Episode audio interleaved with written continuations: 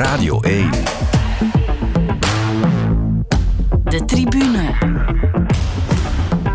Jonathan Mettepenningen. Een hele goede avond. Goud was het doel en dan is zilver de troostprijs. De Red Lions hebben hun wereldtitel in het uh, hockey gisteren niet kunnen verlengen.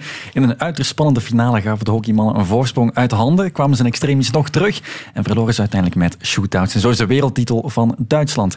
En Novak Djokovic wint voor de tiende keer het Australian Open en haalt zijn 22e Grand Slam titel binnen. Tennis en hockey gaan we het over hebben vanavond met twee gasten. Dat zijn vandaag Dirk Gerlo, collega bij Sportza en Thomas Briels, ex-kapitein van de Red Lions. Dag Dirk, dag Thomas. Hey. Hoi. Thomas, jij hebt het WK heel intensief gevolgd als uh, analist bij Play Sports. Ben jij ervan moeten bekomen gisteren? Ja, ik moet zeggen dat ik echt uh, heel veel zenuw had. Ik had uh, trillende handen met de, met de shootouts en ik was verschoten hoe hard dat ik erin opging. Ook tijdens de wedstrijden, want er waren beelden van gemaakt. En ja, het was precies of ik zelf had gescoord uh, na, na die. Dus ja, ik moet zeggen, ja, dat, dat blijft er toch in zitten. dacht je dat de titel binnen was bij die snelle 2-0? Um, ja, ik dacht, ze zijn echt sterk begonnen. Um, zo heb ik ze nog niet zien, zien, zien beginnen eigenlijk tijdens het toernooi. Uh, en dat was ook nodig tegen Nederland heel slap uh, begonnen, de eerste helft. En ik dacht, oké, okay, de toon is gezet. Ze hebben een kans op, uh, op 3-0 met elkaar. Mm -hmm. als die binnen gaat, ja, dan denk ik, ja, scoort maar eens drie keer tegen België. Dat is, dat is niet gemakkelijk. Um, en dan ja, de tweede helft laat ze het een beetje, een beetje hangen, denk ik. dus ja, ik, ik, denk dat ze zelf wel heel, heel hard aan het, aan het balen zijn, want het zat er zeker in. Uh, en zeker met de ervaring dat ze, dat ze hebben, 2-0 voorstaan op de finale, um, mm -hmm. tegen toch een iets minder ervaren Duitse ploeg. Ik denk dat ze hem binnen hadden kunnen halen. Maar met de shootouts dacht ik nog altijd dat ze gingen winnen. Dus ja, deze keer uh, jammer genoeg niet. Ja, maar balen zullen ze dus zeker. Heb je dan ook weinig tijd gehad voor andere sport? Heb je bijvoorbeeld iets kunnen zien van de Australian Open? Nee, ik heb echt, uh, echt niks gezien. Ik was uh, vol in het WK-hockey de afgelopen week. Ja, Dirk, jij gelukkig wel, maar je ziet ook alles. Uh, uh, uh, ik zie veel, maar niet alles. En ik heb zeker niet alles gezien van de Australian Open. Eerste week zat ik nog in Zweden voor het WK handbal.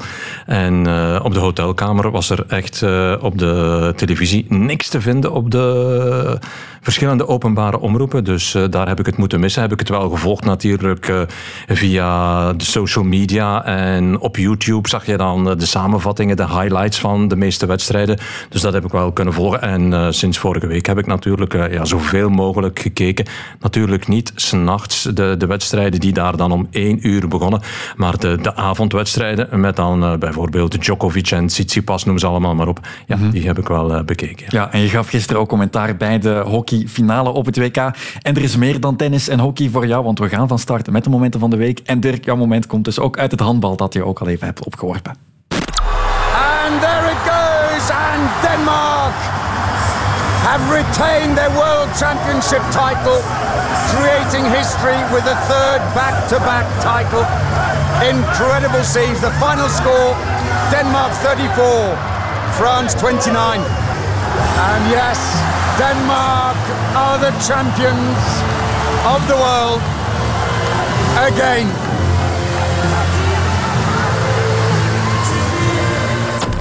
Ja, de derde wereldtitel op rij voor Denemarken in het handbal. Dirk, we hebben de Denen zien spelen tegen België in de eerste groepswedstrijd. Ook toen was al duidelijk dat Denemarken een paar niveaus hoger speelde. Denemarken is, is de standaard in het handbal, toch? Ja, nu toch wel. Um, er is veel concurrentie in Europa, dat wel. Want Frankrijk is de Olympische kampioen. De Fransen hebben de Denen verslagen in de finale van de vorige Olympische Spelen. Daarvoor was het Denemarken in Rio Olympisch kampioen. Maar ja, de, ik, moet zeggen, ik heb gisteren naar die, die finale tussen Denemarken, de titelverdediger, en Frankrijk, de Olympische kampioen, echt met open mond zitten kijken. Mm -hmm. Want het niveau was waanzinnig hoog.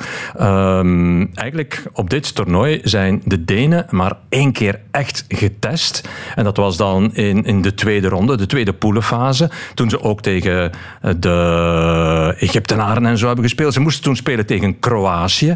En dat was een wedstrijd in Malmö. Ik moet zeggen, het was de hardste wedstrijd, denk ik, van het hele wereldkampioenschap. Met heel agressieve Kroaten. En uiteindelijk de eindstand was 32-32. Mm-hmm. Maar de wedstrijden die daarna volgden, hun kwartfinale tegen Hongarije, ja, met, met, met, met 17 doelpunten verschil gewonnen, denk ik. Daarna ook voorbij Spanje in de halve finale. En wat ze gisteren hebben laten zien, ja, die start die was gewoonweg verschroeiend. Frankrijk wist niet waar ze het hadden. Hè. Na, na 10 minuten was er al een verschil van vier doelpunten. Zo goed waren die van start gegaan. En de beleving in Stockholm, in Malmö, waren er 13.000 toeschouwers die plaats konden vinden in de Malmö Arena. Nu, in Stockholm was er plaats voor 23.000 toeschouwers. En de beleving daar, ja, ik moet zeggen, ik heb nu al een en ander meegemaakt in de sport. Maar de beleving indoor, ja, dit heb ik eigenlijk nog nooit gezien. Een zeer, zeer positieve sfeer. Het leeft natuurlijk in Scandinavië. Scandinavië met de Noren, met de Zweden, met IJsland.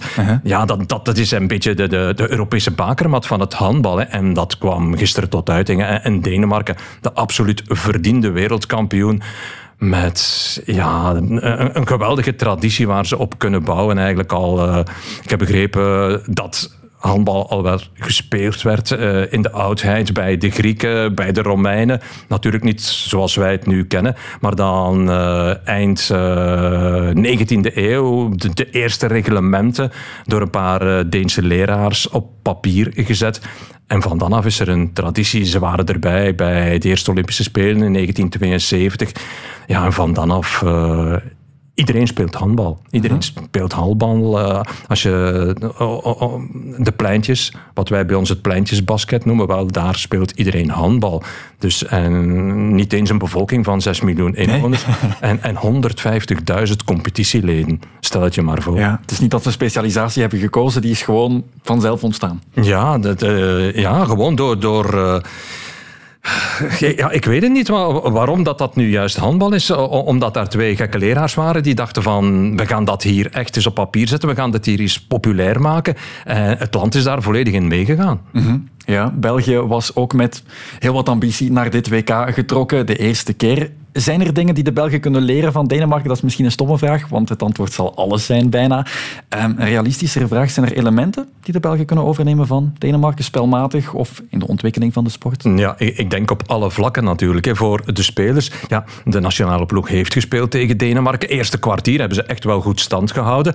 Maar dan zie je natuurlijk eh, de over mijn lijk mentaliteit bij die Deense spelers. Of ze nu tegen België spelen, of ze spelen tegen Frankrijk. Dat is met dezelfde inzet, dat is met dezelfde de focus. En dat is iets waar onze spelers nog heel veel kunnen leren. Een wedstrijd duurt wel 60 minuten. En dat betekent dat je geen seconde de focus mag verliezen. De Belgen elke keer eh, te slap begonnen. Met als gevolg dat ze, zoals de Fransen gisteren, een kloof van vier doelpunten moesten overbruggen. Ja, dat lukt niet tegen de Denen. Maar ik zou zeggen, wat moeten de, de spelers leren? Dat is de beleving, de mentaliteit.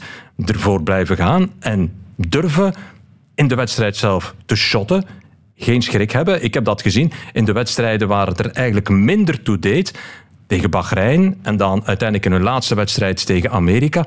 Daar durfde niemand nog het initiatief nemen. Ze waren een beetje favoriet in die wedstrijden, ze durven het initiatief niet nemen. Nee, in wedstrijden moet je er voluit voor durven gaan. En je moet, als je potentieel hebt, en we hebben een aantal spelers met potentieel, dan moet je als je nog jong bent en als je de kans krijgt om prof te worden, en zo zijn er nu een aantal spelers, dan moet je die kans grijpen. Als ik nu een Tom Robijns hoor, als ik nu een Simon Ooms hoor, mannen die de overstap naar Frankrijk hebben gemaakt, een Rafael Kutters, 21 jaar, die heeft de overstap naar Frankrijk gemaakt. Als je ziet de progressie die die spelers gemaakt hebben, wel dan denk ik iedereen die in België de ambitie heeft, die jonge kerels, die moeten die stap durven zetten. Want voorlopig in België kan je dat niveau nooit halen. En voor de federatie, ja, de Deense federatie zou je kunnen zeggen, dat is echt een powerhouse. Als je kijkt naar de sponsoring die zij binnenhalen, als ik weet wat er aan sponsoring is in eigen land, ja, dat is peanuts in vergelijking met wat ze in Denemarken hebben. Mhm. Dus de federatie moet enorm inzetten op het uit de anonimiteit halen van de sport, op, op, op financiële middelen voorzien, jeugdwerking, traineropleiding. Dat zijn zaken die nu eigenlijk een beetje in de nasleep van dat wereldkampioenschap moeten worden aangepakt. Voilà, leren van de Denen. En dan kunnen we naar het moment van Thomas. En dat komt uit het WK hockey, maar hij kijkt niet naar de Belgen. Het wordt Blake Govers, die kan slippen en scoort! Australië staat voor 3-2 met nog 2,5 minuten te gaan. De grote momenten staan de grote op. Daar net een grote misser van Govers, maar deze is raak. Muller geeft hem weer naar het eerste kassel. Pijlaat scoort. Het is niet mogelijk. 3-3. Gonzalo Pijlat. Hij scoort zijn derde in deze halve finale. 3-3. Nog anderhalve minuut. Australië dan toch nog niet in de finale. Hollala. Laatste seconde. Komt die bal nog één keer voor doel. Oh, Pijlat helemaal alleen gelaten. Brengt hem voor doel. Daar is de kans voor Willem. Willem brengt Duitsland naar de finale. Op vijf seconden van het einde. Niklas Willem. De spits van het toernooi. De Duitsers flikken het opnieuw. Ja, de comeback van Duitsland tegen Australië in de halve finale, zoals het klonk op Play Sports. Als er ooit nog eens een groot evenement was om de uitspraak met Duitsers ben je nooit klaar kracht bij te zetten, was dit WK een godsgeschenk, Thomas. Ja, zeker. Uh, ja, ongelooflijke wedstrijd. Uh, een paar, paar elementen. Eén, uh, Gonzalo Payet, mm. eigenlijk een Argentijn. Um, heeft Olympische Spelen gewonnen in 2016 met Argentinië. Is, is naar Duitsland vertrokken voor clubhockey te spelen. Uh, uiteindelijk ruzie gehad met de coach, niet opgeroepen geweest. Uh, en beslist om zich te neutraliseren tot, uh, tot Duitser. Mm -hmm. ja, dan mocht je drie jaar niet spelen internationaal. Dus drie jaar geen toernooi meer gespeeld. Hij, hij, speelt het WK, het eerste grote toernooi met Duitsland. Um, bakt er eigenlijk niet zoveel van tijdens de poolfase. Ik denk dat hij één keer scoort. Hij krijgt heel veel kritiek. Ja, en dan in de halve finale tegen Australië scoort hij een hat-trick en geeft hij een assist. Uh, ja, ongelooflijk. En ja, Australië met 2,5 minuut te spelen, 3-2 voor. Uh, en ja, ze scoren nog twee keer tegen Australië, wat toch de topfavoriet is van, van het land. Ja, ik vond uh, promotie voor, uh, voor het hockey. En als iemand die nog vrije tijd heeft en graag een hockeymatch ziet, moet, moeten die wedstrijd zeker, zeker zien. was ongelooflijk. Ja, was je verrast dat Duitsland Australië überhaupt kon verslaan? Um, voor het toernooi zou ik dat nooit hebben gedacht. Ik heb ze zien spelen in de, in de Pro League. Ik vond Duitsland eigenlijk helemaal niet, niet sterk spelen. Echt, zelf echt matig. Um, en België is er ook goed overgegaan uh, in, de, in de Pro League. Um, maar tijdens het toernooi hebben ze mij echt wel verrast. Uh, zeker die poolfase tegen de, tegen de Belgen vond ik ze al heel sterk spelen. En ik, ik vond uh, Australië een beetje teleurstellend. Ze vroeger altijd wel topfavoriet. Uh, echt, ook echt supersterren in de ploeg. Mm -hmm. zoals een, een, Jamie Dwyer, een Mark Knowles, ja, wereldspelers.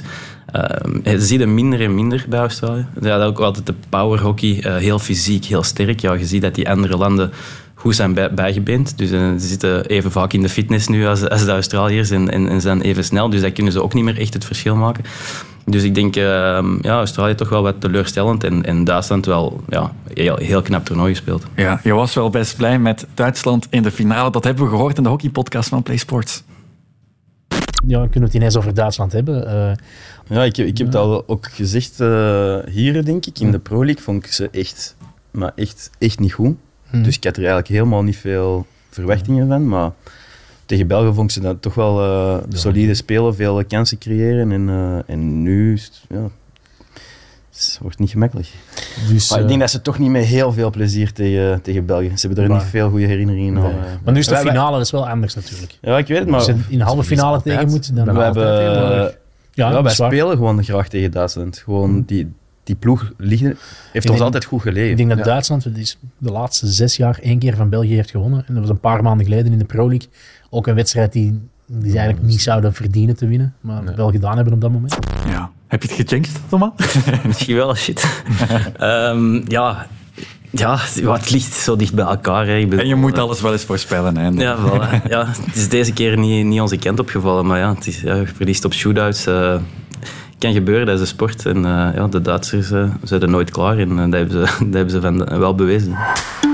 Radio 1. De tribune. Ja, niet Australië, maar wel Duitsland werd de tegenstander van de Belgen in de finale. Een finale die verloren ging na een 3-3 met shootouts. Dat de Red Lions zilver hebben gewonnen, ga je weinig mensen horen zeggen. Maar ze kunnen zeker wel terugblikken op een mooi toernooi. We luisteren nog een laatste keer naar hoe het gisteren liep. Duitsland, daar zijn ze weer. Ja, het laatste jaar hebben ze bijna niks meer gewonnen. Dus voor hen, ja, ze gaan heel gretig zijn. En het zijn twee ploegen die normaal gezien uh, tot de laatste seconde gaan vechten om, uh, om er een overwinning uit te halen. Of een gelijkspel.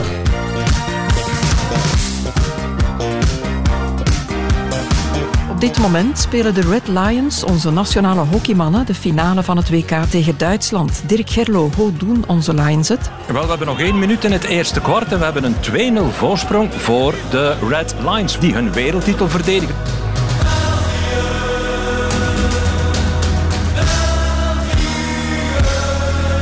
Aber Deutschland geht nicht auf. Strafecke kurz vor der Pause.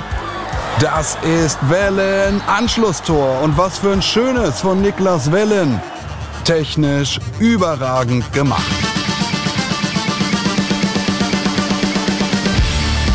Gonzalo Payat, Ausgleich 2-2. Der argentinische Hockey-Messi mit dem deutschen Pass, Dreierpack gegen Australien. Prinz, No-Look-Pass auf Grambusch. Grambusch, 3-2 Deutschland, Wahnsinn, der Kapitän dreht das Spiel. Hast viel geweint. Ondertussen tikken die minuten weg. Opnieuw gaat het naar Polen en scoort. Tom Boon scoort en 3-3. 5, 4, 3, 2, 1. En we krijgen een shootout. Lang zusammen. 5-4 de voorsprong voor de Duitsers. Kozijns moet scoren, anders is het afgelopen. Kozijns, hij neemt zijn tijd en hij krijgt hem er niet in. Hij krijgt hem er niet in, het is afgelopen. Duitsland is wereldkampioen. Ja, we moeten gewoon eh, de wedstrijd afmaken in de eerste helft en eh, that's it. Maar ja, vandaag was er niet ons.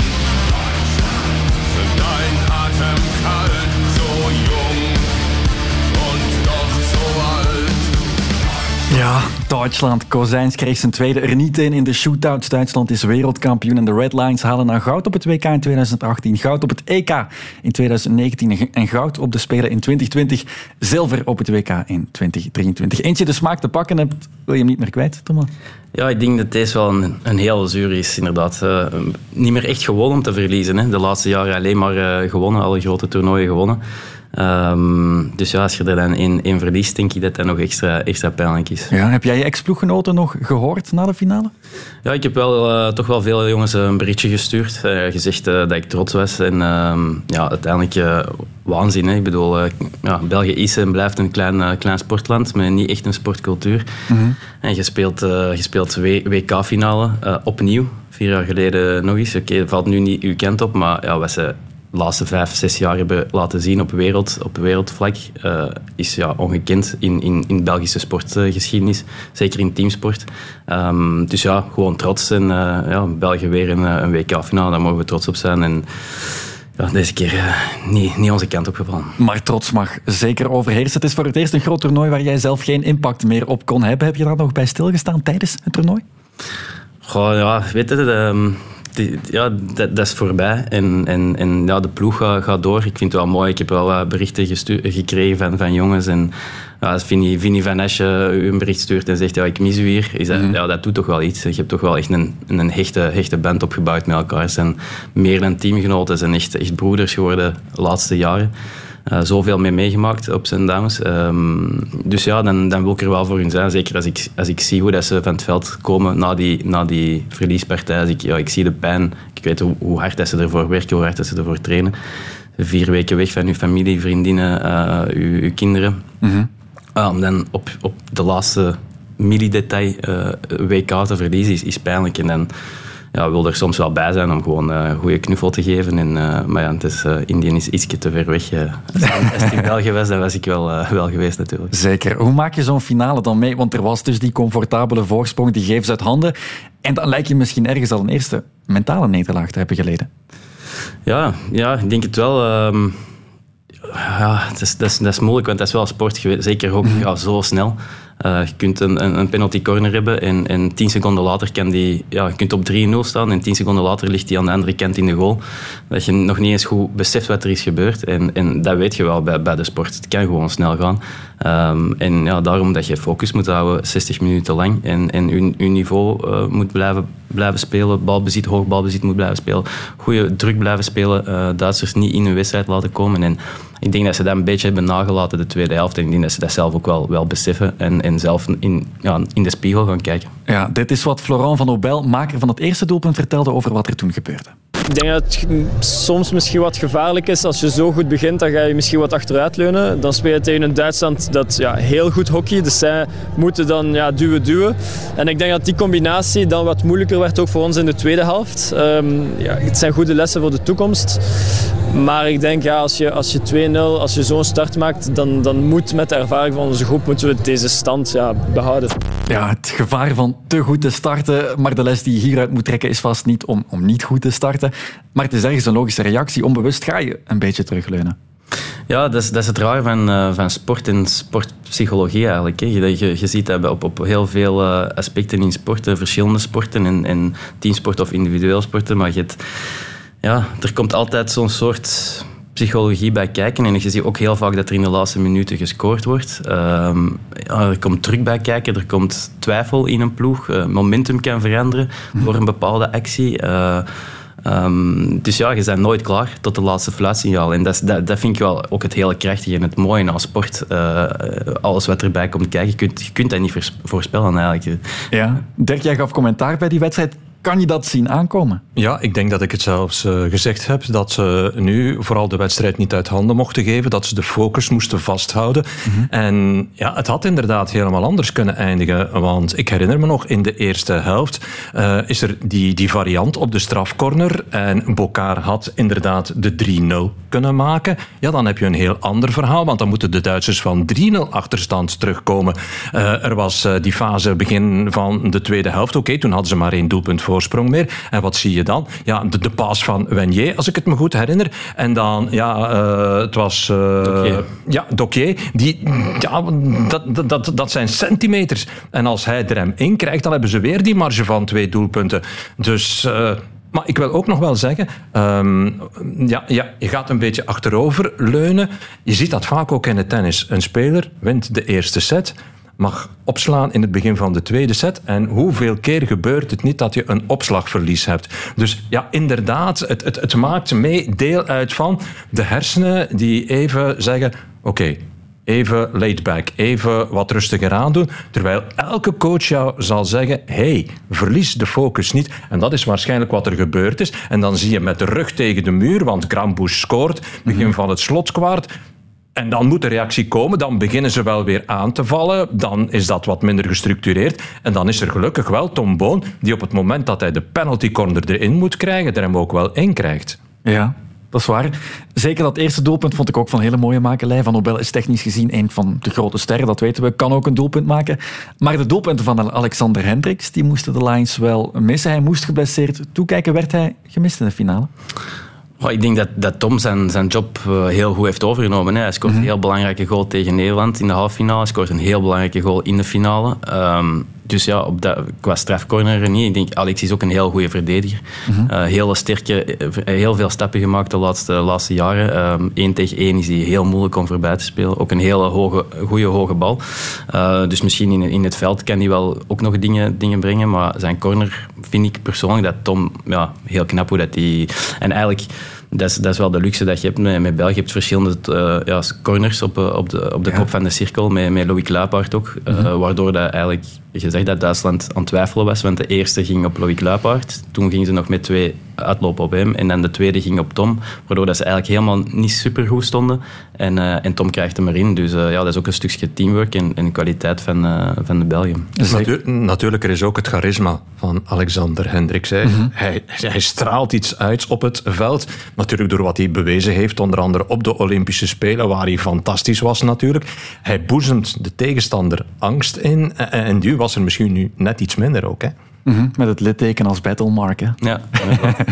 het was ook het eerste toernooi met de nieuwe coach, Michel van den Heuvel. Helemaal nieuw is, is, hij niet. Hij zat al mee in de staf. Maar hij promoveerde dus wel tot hoofdcoach. Dit is hoe hij terugkeek op het toernooi. Ja, we hebben echt uh, met enorm veel tegenslagen gehad. Dus uh, ik denk als ik thuis ben dat het gevoel van trots zeker gaat komen. Uh, op deze geweldige groep spelers. Op dit moment heeft de pijn even de overhand. dat je iets hebt laten ontglippen. Iets dat ze van ons hebben afgenomen. En ik denk uh, dat we enorm veel perspectief hebben richting Parijs om uh, met deze pijn om te gaan en het om te zetten in, in power en energie. Maar daar heb ik uh, op dit moment nog even geen tijd voor. Ja, op zijn eindanalyse gaan we nog even moeten wachten. Dat is ook moeilijk als de adrenaline nog raast. Maar die is nu even gaan liggen bij jullie. Um, dus jullie zijn daartoe wel in staat, denk ik. En hij zegt het, er waren wel wat tegenslagen. Maar hoe kijk jij globaal terug op dit WK van de Lions, Thomas? Goh, ik denk dat ze... ja, ze hebben, ze, ze hebben een WK-finale gehaald. Ze, ze, staan waar ze ja, zouden moeten staan, denk mm -hmm. ik, met de kwaliteit en, en, de ervaring die ze hebben. Uh, maar ik denk dat, je, dat ze zelf ook wel een beetje, ja, een beetje teleurgesteld gaan zijn. Ik heb, ik heb het gevoel dat ze geen één wedstrijd echt heel de wedstrijd. Uh, je hebt altijd downs. Je hebt altijd downtime in een wedstrijd dat je minder, minder speelt. Eh, dat je een paar minuten minder speelt of dat de tegenstander de momentum eh, eh, heeft. Maar ik heb niet echt het gevoel dat ze één wedstrijd hebben gehad waar dat ze echt heel de wedstrijd lang hebben gedomineerd en power hebben laten zien en echt eh, ja, het niveau dat ze wilden laten zien. Eh, ik heb altijd het idee dat er toch ofwel één kwart ofwel, ofwel een, een helft een, to- toch slapper was dan de andere helft. Mhm. Ehm, dus ik denk dat ze daar wel goed, goed gaan naar kijken. Van, ja, hoe krijgen we eh, in plaats van een kwart of een helft iets minder energie eh, in, in, in, in, in alles wat we doen. Hoe, krijgen we dat, hoe verminderen we dat tot misschien ja, een patch van, van vijf minuten of tien minuten waar dat iets minder is. Ehm, ik denk dat daar wel goed, goed naar gekeken gaat zijn. Ja. Ja. die blessures helpen natuurlijk ook niet. hè. Zeker niet. Kan je een eerste logische verklaring vinden waarom het niveau van bijna dezelfde kern toch als op de Spelen niet hetzelfde was op dit WK? Ja, maar ik, ik denk... Ik denk nu plots terug aan het Europees kampioenschap in Antwerpen, waar jij er ook bij was. En nu is het alsof het daar ook van de ene naar de andere wedstrijd altijd maar crescendo ging en dat het allemaal fantastisch was. Maar denk gewoon terug aan, aan die halve finale tegen Duitsland. Dan werden jullie in de beginfase gewoon weggespeeld door Duitsland.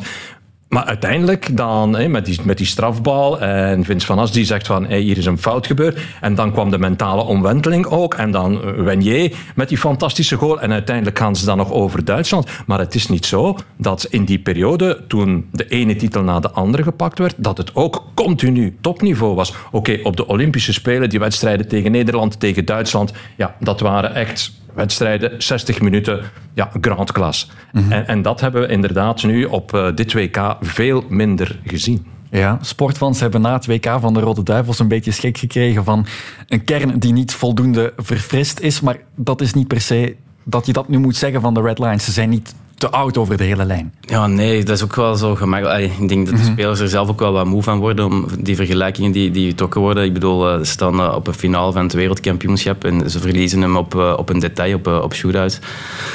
Ehm, ja, gaat er maar aan staan. Ik bedoel, eh, elk, elk groot mondiaal toernooi terug opnieuw eh, finale spelen en voor, eh, voor het hoogste podium spelen. Ehm ja, maakt niet uit hoe, oud, hoe dat ze zijn. Ik denk enkel wel gewoon inderdaad voor als er een, een aantal spelers stoppen na hun, wanneer dat ze beslissen te stoppen. Ehm, ja, je moet oppassen dat er geen tien, tien mensen tegelijkertijd wegvallen en dat je die niet kunt inpassen, want dan ja, moeten wel heel lang terugbouwen naar het niveau waar wij gewend eh, zijn. Dus ik denk dat dat de enige eh, beredenering is dat je, ja, waar dat je rekening mee moet houden. Maar ja, de jongens, eh, als, als, ze, ja, als ze fit zijn, als ze, als ze hun niveau halen, ze zijn goed genoeg, het is topsport. Ja, de coach, dan gaat de coach ze selecteren en het is, het is topsport. eh, de coach wil ook korte termijn winnen. Dus ehm, ik zie niet veel jongens stoppen na, na die twee Nee, gaan we het straks ook nog over hebben. Meer over de toekomst. Wat was de invloed van Van den Heuvel? Want die moest wel vuur krijgen in deze ploeg. Een ploeg die wel alles al heeft meegemaakt. Ja, dat, is, dat is wel, was wel de uitdaging. Ik was ook wel benieuwd hoe, ehm, hoe dat ze dat gingen uh, bewerkstelligen. Want ja, je hebt inderdaad alles gewonnen. Uh, maar het was wel mooi om te zien. Ik hoorde de jongens ook van, ja, oké, okay, onze motivatie was oké, okay, we willen één, we willen wereldkampioen worden. En dan, oké, we willen de eerste ploeg zijn die drie toernooien achter elkaar winnen. We willen Belgische sportgeschiedenis maken. En dan, uh, en dan het volgende ze zeiden, ja, we willen de eerste Belgische ploeg zijn die twee keer wereldkampioen worden. Mm -hmm. Dus ja, die motivatie, die, die grenzen worden constant uh, verlegd. En, uh, en succes maakt naar succes. dat geeft ook zin om, om terug opnieuw ja, dat gevoel te krijgen met z'n allen en die beker in de lucht te steken. Dus um, ja, en Michel, ja, dat is ook alleen maar een winnaar. Dus dat zit echt in zijn bloed. Dus ik denk, ik denk qua, qua motivatie dat, dat dat wel goed komt. Zeker. Dirk, wat is jouw indruk van de bondscoach? Ik heb een heel goede indruk, moet ik eerlijk zeggen. Ik denk, het is een andere manier van werken dan uh, de manier van werken van Shane McLeod. Maar ik denk ook bijvoorbeeld niet dat Shane McLeod terug in de ploeg zou zijn gekomen als assistent van Van den Heuvel. Als hij niet vond dat de manier waarop uh, Van den Heuvel werkt, dat die niet oké was. Dus een andere manier van werken. Heel, heel open ook, heb ik de indruk. Maar wel goed. En als er signalen zouden zijn vanuit de spelersgroep dat hij het niet goed zou aanpakken, dan zou die wel al lang naar de buitenwereld toe geventileerd zijn. En dat is niet gebeurd, dus mag ik ook wel denken dat spelers die zoveel ambitie uitstralen, dat die het wel kunnen vinden in de manier van werken van Van den Heuvel. Absoluut. Ja, en de lijn die bij de Red Lions was gezet over de voorbije jaren, die wordt wel doorgezet. Dat heeft hij zelf ook vaak gezegd. Thomas. Ah, sorry. ik dacht dat er een eh, fragment kwam. Nog niet. Nog niet. Maar die lijn is er wel. Nee, ja, die lijn is er. En eh, ze- zeker als je kijkt naar, eh, naar de jeugd, is er, eh, is er gewoon talent dat al lang aan het meet- meetrainen is en die aan het azen, azen zijn op een, op een plaatje. Ehm, maar het is heel moeilijk hè, als je jongens hebt die 10, 15 jaar eh, in een ploeg eh, samenspelen en zo lang en zo hard al zijn aan het trainen en een bepaald niveau hebben gehad. Ja, gaat er maar uit eh, ja, aanstaan als jonge gast om die, om die uit de ploeg te krijgen. En, eh, toen ik 19 was en ik begon, ja, dat was, heb je een beetje talent? Wilt je in de nationale ploeg spelen? Allee, voilà, succes. Je zit in de nationale ploeg, bij wijze van spreken. En, en, en nu is het wel ja, een, totaal andere, Mhm. een totaal ander team om, om, om te proberen in te komen. Hoe heb jij jonge jongens proberen integreren? Jij was kapitein. Eh, ja, ik, ik was altijd... eh, ja, ik ben lang de oudste geweest, maar ik, ik, eh, ja, ik, praat, allee, ik kom even goed overeen met de jongens van, van 19 jaar en, of 20 jaar. En ik ben altijd iemand... Ik, ja, ik, voel, ik ben een kapitein naast het veld, vind ik altijd. Ik vind het belangrijk om echt tussen de spelers te staan en, en binnenin de ploeg te staan. En ik, wil, ik, zorg dat iedereen, ik wil dat iedereen zich goed voelt binnen de ploeg. Eh, en dat vind ik heel belangrijk voor de, voor de groepsdynamiek en eh, in de groepsfeer. Ehm, dus ja, ik heb altijd wel mijn best gedaan om tijd te investeren in, eh, in, in jonge gasten links en, links en rechts, dat zij zich ook op, op hun gemak voelen. Voilà, de woorden van een goede kapitein, denk ik, Dirk. Mm, Ja, zeer zeker. Maar ik denk ook wel dat de concurrentie er mag zijn en mag komen. Ehm, dat de spelers die er nu in staan, met al hun jaren ervaring, dat die die voelen dat ze moeten blijven knokken voor hun plaats. Dat vind ik echt wel heel, heel belangrijk. En dat zie je ook als ik dan even mag overstappen naar het handbal. En, en wat er bijvoorbeeld bij die succesvolle Deense ploeg is. Die zijn nu drie keer op rij wereldkampioen geworden. Wel, wat zie je? Dat eh, sommige spelers ehm, zich nu in een andere rol gaan opstellen. Dan zie je bijvoorbeeld een, een Mikkel Hansen. Dat is een absolute wereldvedette in het handbal. Drie keer wereldspeler van het jaar geweest. De hele ploeg draaide rond hem. Die krijgt nu een andere rol. En hij moet vooral de jongeren laten schitteren. Hij is nu de man van de assist geworden. Dus eh, op dat vlak denk ik wel dat als straks de Pro League er weer aankomt. Ik denk dat het mei ongeveer zal zijn. Zeker dat er weer wedstrijden zijn voor de Pro League. Ja, oké, dan, dan zou ik wel graag zien dat er inderdaad een paar van die jonge twintigers hun kans krijgen. Hij moet niet de hele ploeg gaan omgooien, maar dat die mannen ook kunnen proeven van dat hoogste niveau. Kunnen ze er echt mee mee? Ze moeten dat soort tempo, eh, dat soort techniciteit moeten ze leren ervaren op het hoogste niveau. Als ze later bij die ploeg willen komen en als ze op datzelfde niveau willen blijven presteren. Dus daarom denk ik, de Pro League is ja, de, de, de ideale manier om de jongeren echt te laten groeien. Ja, ik denk, eh, ik verwacht ook wel, zeker met deze Pro League, dat er heel veel eh, jonge jongens een kans gaan krijgen en, en eh, ja, dat ze de smaak te pakken krijgen. En inderdaad, dat niveau, internationaal niveau kunnen niet vergelijken met het clubniveau. Alles gaat er in een tempo, tempo sneller, dus je moet sneller handelen, je moet sneller nadenken. Ehm, en ja, de jonge jongens gaan het toch op een gegeven moment moeten, moeten stokje gaan overnemen en gaan doen. Eh, en we willen niet, eh, ja, niet met een diep zitten, eh, we, willen we willen echt eh, die finales blijven spelen en, en ja, België trots maken op de, op, op de hockeyploeg. Eh, en België wereldkampioen en olympisch kampioen maken. Dus ehm, ja, het is wel belangrijk dat die, die gasten ook wel die ervaring krijgen om eh, tot dat niveau te geraken. Zo is het. En een groot doel is nu afgetikt. En laten we zeker geen prestaties onderwaarderen, want je haalt wel voor de zoveelste keer een finale. En de blik gaat dan wel meteen op de toekomst voor ons, de media, maar voor de spelers zelf ook. Want dit zei Arthur van Doren na de finale. Bij de pakken gaan we niet blijven zitten. Ehm, we hebben, eh, we hebben een, mooie, een mooie periode van gemaakt. Eh, we kunnen in die zin eh, met opgeven hoofd terugkijken naar die toernooi. We zijn gekomen om die titel te verdedigen. Eh, en het is net niet gelukt, maar er zijn, eh, zijn nog een heel aantal mooie toernooien in de toekomst om, eh, om revanche te nemen. Ja, de blik meteen op het TK, dat er inderdaad in augustus al aankomt. Veel tijd om te herzien in de kern is er dan ook niet. Nemen we aan dat er weinig zal veranderen. Je hebt het ook al gezegd. Afscheidnemers zijn er eigenlijk ook niet. Ik verwacht van niet. Mhm. Ja, Parijs is eh, anderhalf jaar. Anderhalf jaar in, in, in sport is, dat, dat vliegt voorbij. Ja, Zeker met nog inderdaad Pro League en toernooien dat je hebt en dan een nieuw seizoen dat je ook begint met de club. Ehm, dus ik verwacht het niet. Ik denk dat die jongens allemaal Olympische Spelen willen halen. Dat is, voor onze sport is dat het hoogst haalbare. Dus, ehm, dus ja, het is eh, ja, nu aan de jonge jongens om inderdaad te laten zien. En als ze in de ploeg willen zijn, moeten ze knokken en, en het laten zien op het veld. Ja. En, en ik denk dat zilver kan eigenlijk misschien een geschenk zijn voor wat er nu nog komen moet. Van oké, we hebben het nu gemist, we willen dat terug. Een revanche in Duitsland gaan nemen tegen de wereldkampioen. Hè? Want het EK is in Duitsland, München-Gladbach net over de grens. Oké, dus er gaan veel Belgische supporters zijn.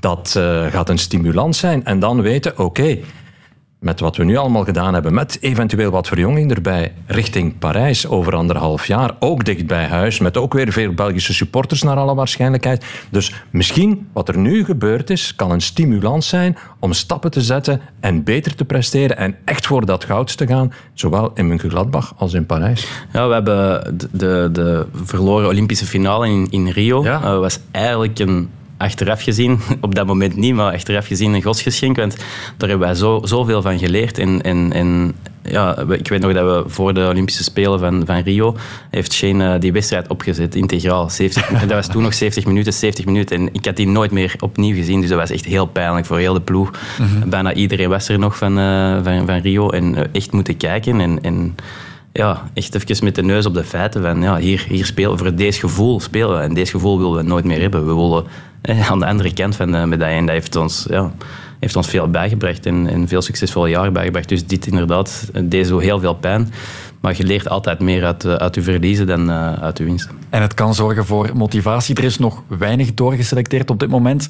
Als dat wel komt te gebeuren, staat er dan voldoende talent klaar om over te nemen?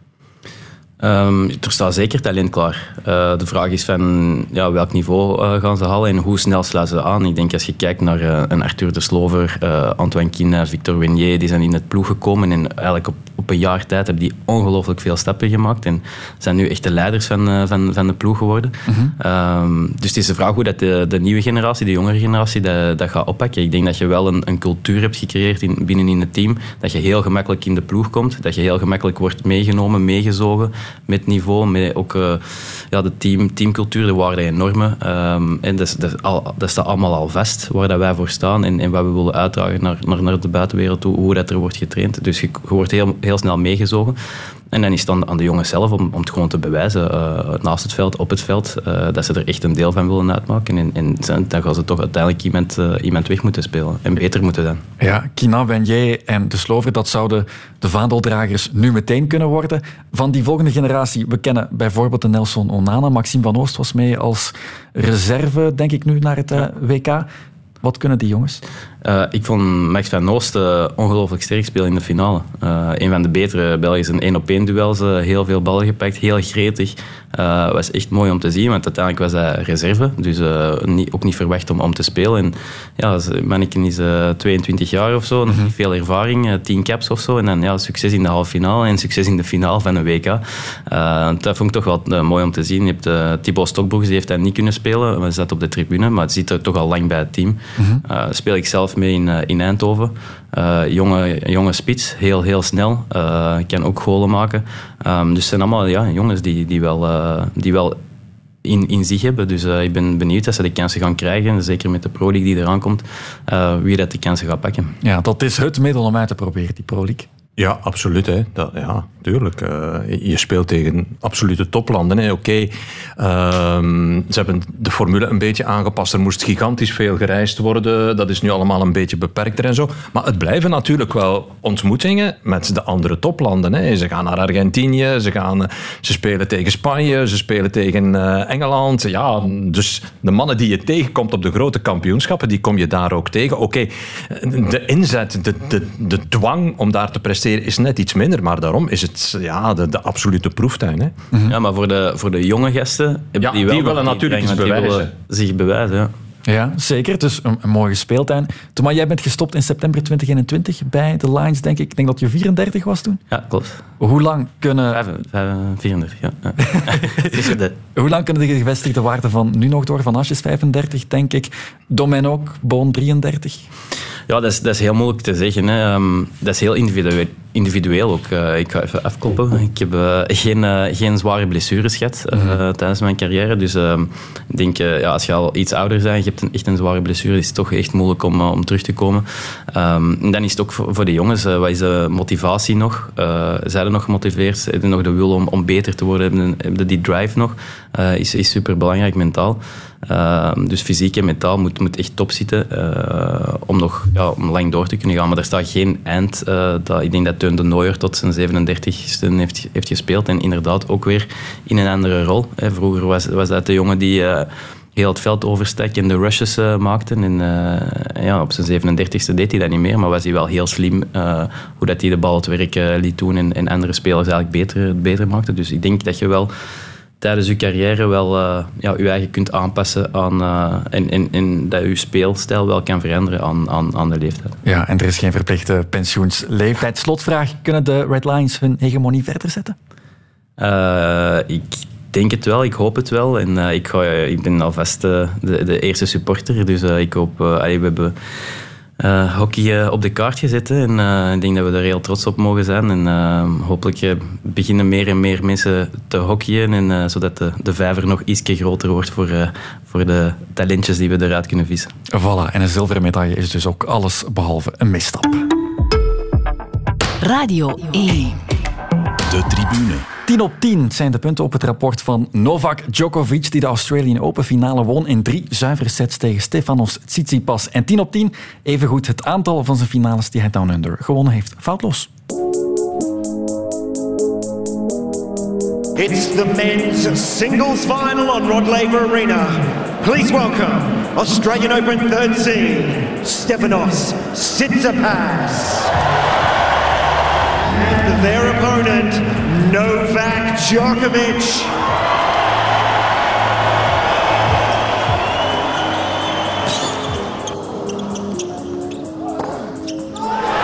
Too good.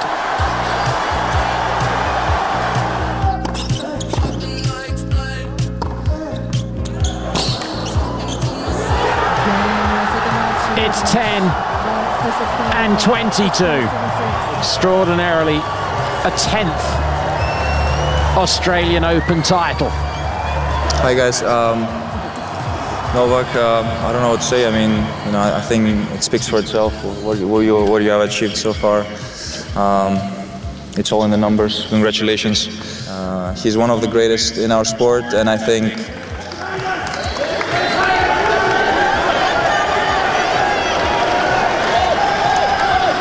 he's he's the greatest that has ever held a tennis racket. Good evening, everyone. Uh, first of all, I have to say um, that uh, I'm touched by uh, Stefanos' words, and I, I would just like to to finish off um, by, by commenting something about Greece and Serbia. And you know, we are relatively two small countries that uh, don't really have uh, tennis tradition. So I think that uh, the message really for any young tennis player around the world who is watching this now and dreaming to be here where Stefanos and I am, uh, dream big, dare to dream because everything is possible.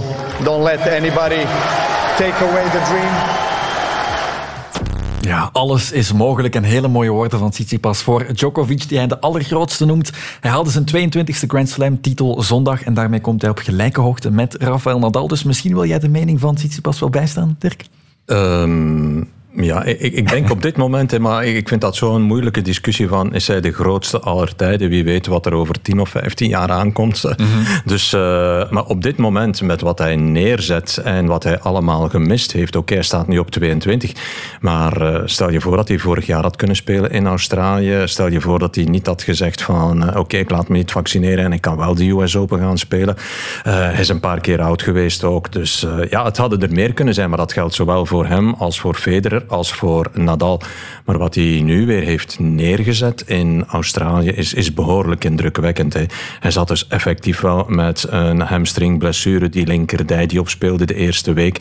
Als ik zijn coach eh, Goran Ivanisevic hoor zeggen, 75% van de spelers of 90% van de, procent van de spelers had gezegd van ja, hier voilà, doktersbriefje en ik begin er niet aan. Hij heeft die over mijn lijkmentaliteit, waarover ik het eh, eerder vanavond al had, wel, als er iemand eh, die mentaliteit verpersoonlijkt, dan is het natuurlijk wel Novak Djokovic, absoluut. Ja, de emoties na die gewonnen finale, die heb ik nog niet vaak gezien bij Djokovic. Nee, nee, nee, nee. Hij zei ook dat eh, het uiteindelijk misschien wel zijn mooiste overwinning ooit was. Eh, ja, natuurlijk wat er vorig jaar gebeurd is, zal wel meegespeeld hebben. Hè. Vorig jaar, eh, op het moment dat het toernooi begint, brengen ze hem weg naar de luchthaven en mag hij terug vertrekken. Dus dat heeft meegespeeld. Dat is een enorme motivatie geweest voor hem. En ja, die, die mentaliteit van hem, eh Servier, eh, je moet weten, je zou eigenlijk moeten teruggaan naar helemaal zijn beginperiode als tennisser. Ehm, zijn ouders waren zeker niet rijk. Hè. Nadal, Federer, begoede ouders. Zijn ouders absoluut niet. Die baten ergens een, restaurant uit in, Servië, ergens in de bergen. Eh, daar loopt hij rond. Eh, een, een, een coach, eh, Jelena Gencic, die geeft daar een beetje tennisles. Drie vuiltjes liggen daar. Hij ziet dat, hij staat daar te kijken. Zij spreekt hem aan. Zou je ook eens willen proberen? Oké, de middag komt hij terug met een tennisraketje. Een paar dagen later zegt hij die Gencic tegen de ouders van Djokovic... Ja, dat is een goudklompje. En die, die Gencic, eh, die zelf handbal had gespeeld in de nationale ploeg trouwens Komt van Joegoslavië. Het komt allemaal samen. Eh, die, die Wimbledon gespeeld heeft bij de junioren. Die heeft gedurende zes jaar eigenlijk Novak Djokovic gevormd tot de speler die hij geworden is. En dan bedoel ik niet alleen tennistechnisch, maar ze heeft, een, ze heeft hem ook een mentaliteit meegebracht waar hij nu nog altijd zijn profijt uit haalt. En er waren de, de oorlogsomstandigheden in de periode toen hij tiener was. Dat heeft een enorme indruk op hem gemaakt. Eh, zijn vader die zei van, voilà, hier, dit is mijn hele bezit. En hij legde eh, een briefje van 10 Deutschmark op de tafel. Hier moeten we het mee doen. Dus hij wist ook de investering die zijn ouders, die zijn familie gedaan hebben, ja, die moest opleveren. Hij is op zijn twaalfde naar München vertrokken, op zijn eentje, om daar bij Niki Pilic gedurende maanden te verblijven.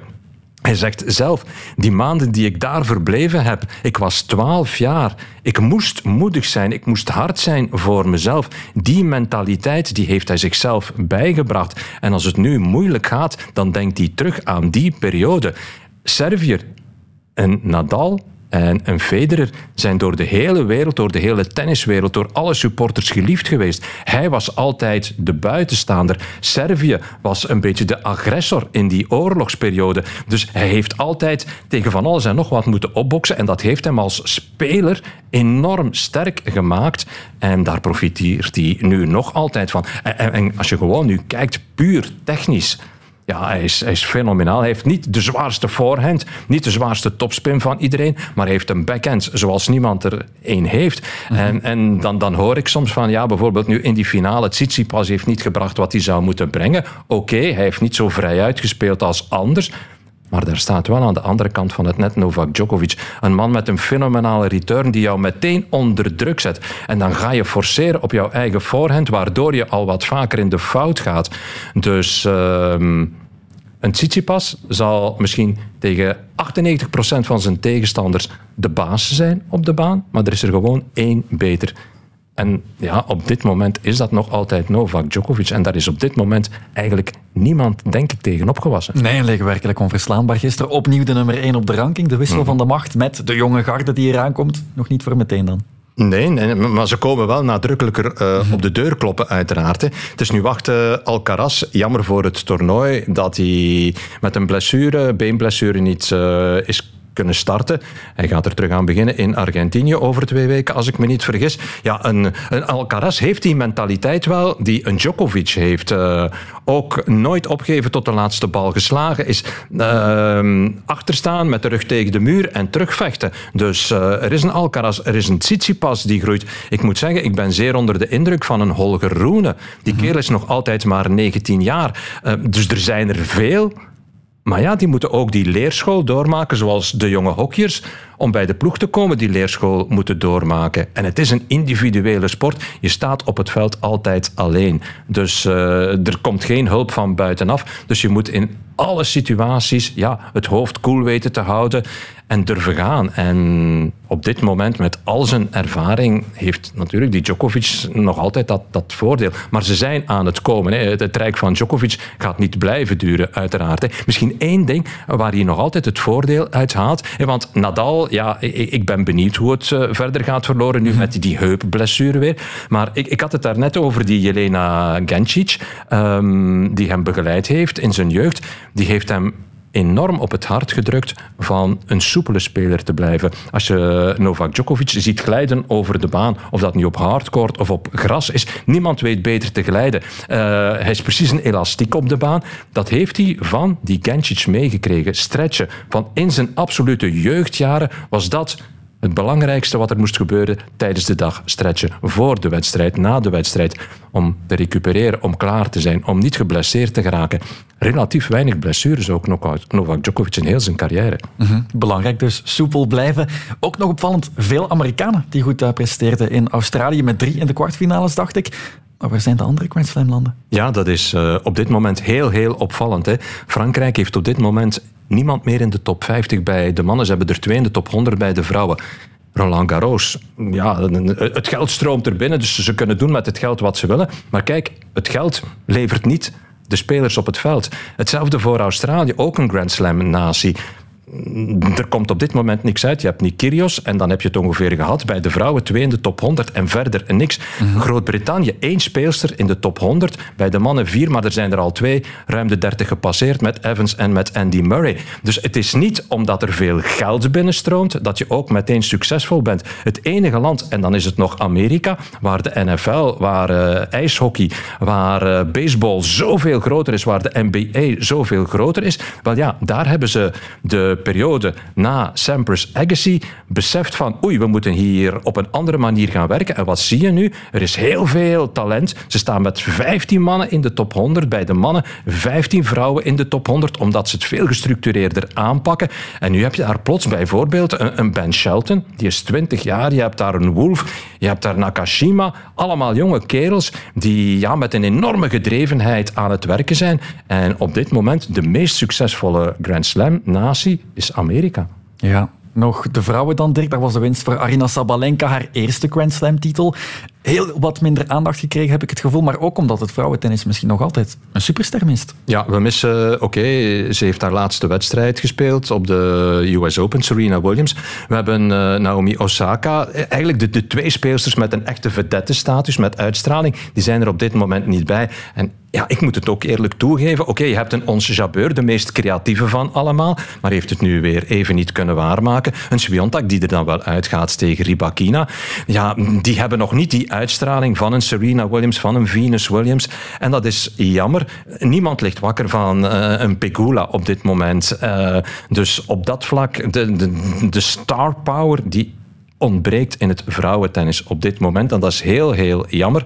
En ja, het zit er niet meteen aan te komen, moet ik eerlijk zeggen. Mm -hmm. Ze lijken ook niet heel lang aan de top te blijven. Nee, als je kijkt naar de, de voorbije vier, vijf jaar, je hebt continu andere winnaressen gekregen van de Grand Slams. Ik herinner me Raducanu tegen Leila Fernandez, mm -hmm. twee seizoenen geleden. Maar ja, oké, okay, Leila Fernandez kan het op dit moment niet waarmaken. Uh, Emma Raducanu staat nog net in de top 100. Dus het zegt ook maar iets over de enorme concurrentie. In de breedte is het niveau gigantisch toegenomen, maar de constante bij de toppers, ja, die, die ontbreekt helemaal, omdat die concurrentie zo groot is. Iedereen kan iedereen verslaan. -hmm. Ja, misschien nog heel even, heel kort over de junioren. Bij de mannen, daar hebben we twee uh, mannen om naar uit te kijken. Gilles Nopai en is er nu ook Alexander Bloks, nummer 1 en nummer 3 op de ranking. Ja, oké, okay, dat is uh, bij junioren voor een ja. goed begrip. En inderdaad... Maar tennisfans alle... kunnen snel ja ze, ze, ja, ze hebben allebei heel veel potentieel, maar de weg is nog gigantisch lang. Er staat een zeer goed hoofd op uh, de, uh, bij Bailly, bij Alexander Bloks. Maar ze beseffen, ik heb hem eergisteren nog aan de lijn gehad, Alexander Bloks. hij beseft ook, ik sta nog nergens. En dat is de mentaliteit die je moet hebben. Hij gaat nog body moeten bijkrijgen, hij gaat nog de continuïteit moeten bijkrijgen, hij gaat klappen moeten incasseren. Maar uh, het hoofd is er en dat is heel belangrijk. Dus op dat vlak ziet het er bij de vrouwen dan met een Costulas ook nog redelijk goed uit. Voor een klein land, inderdaad, hebben we goede ja, goede vooruitzichten. Maar ja, niks garandeert dat zij het ook gaan waarmaken bij de profs. Nee. Niet in de verste verte. Er is veel werk voor nodig. We zijn alweer aangekomen in de slotminuut van dit programma. Het gaat hier altijd snel, Thomas. De slotvraag die is wel altijd dezelfde. We hebben teruggeblikt. We gaan ook vooruitblikken naar de komende sportweek. Is er iets waar jij specifiek naar uitkijkt? Oeh, wat staat er allemaal op het programma? Ik weet niet. Is er nog hockey in de nabije toekomst? Um, ja, ik begin, uh, ik begin volgende week uh, zelf terug uh, voor te bereiden voor het eh, seizoen. Dus uh, nou, toch wel een paar maandjes stil te hebben gelegen. Dus ik ben benieuwd hoe dat, dat gaat gaan. -huh. De halve finales in het bekervoetbal, zegt jou dat iets? nee, niet meteen. ik kijk gewoon naar het weekend. Iedereen gaat zich onderdompelen in het WK veldrijden. Ik ga dat dan ook maar doen. Voilà, dan kan ik jullie alleen nog maar bedanken voor jullie komst. Thomas Briels en Dirk Gerlo. En aan de luisteraar, volgende maandag zijn we opnieuw. Tot dan.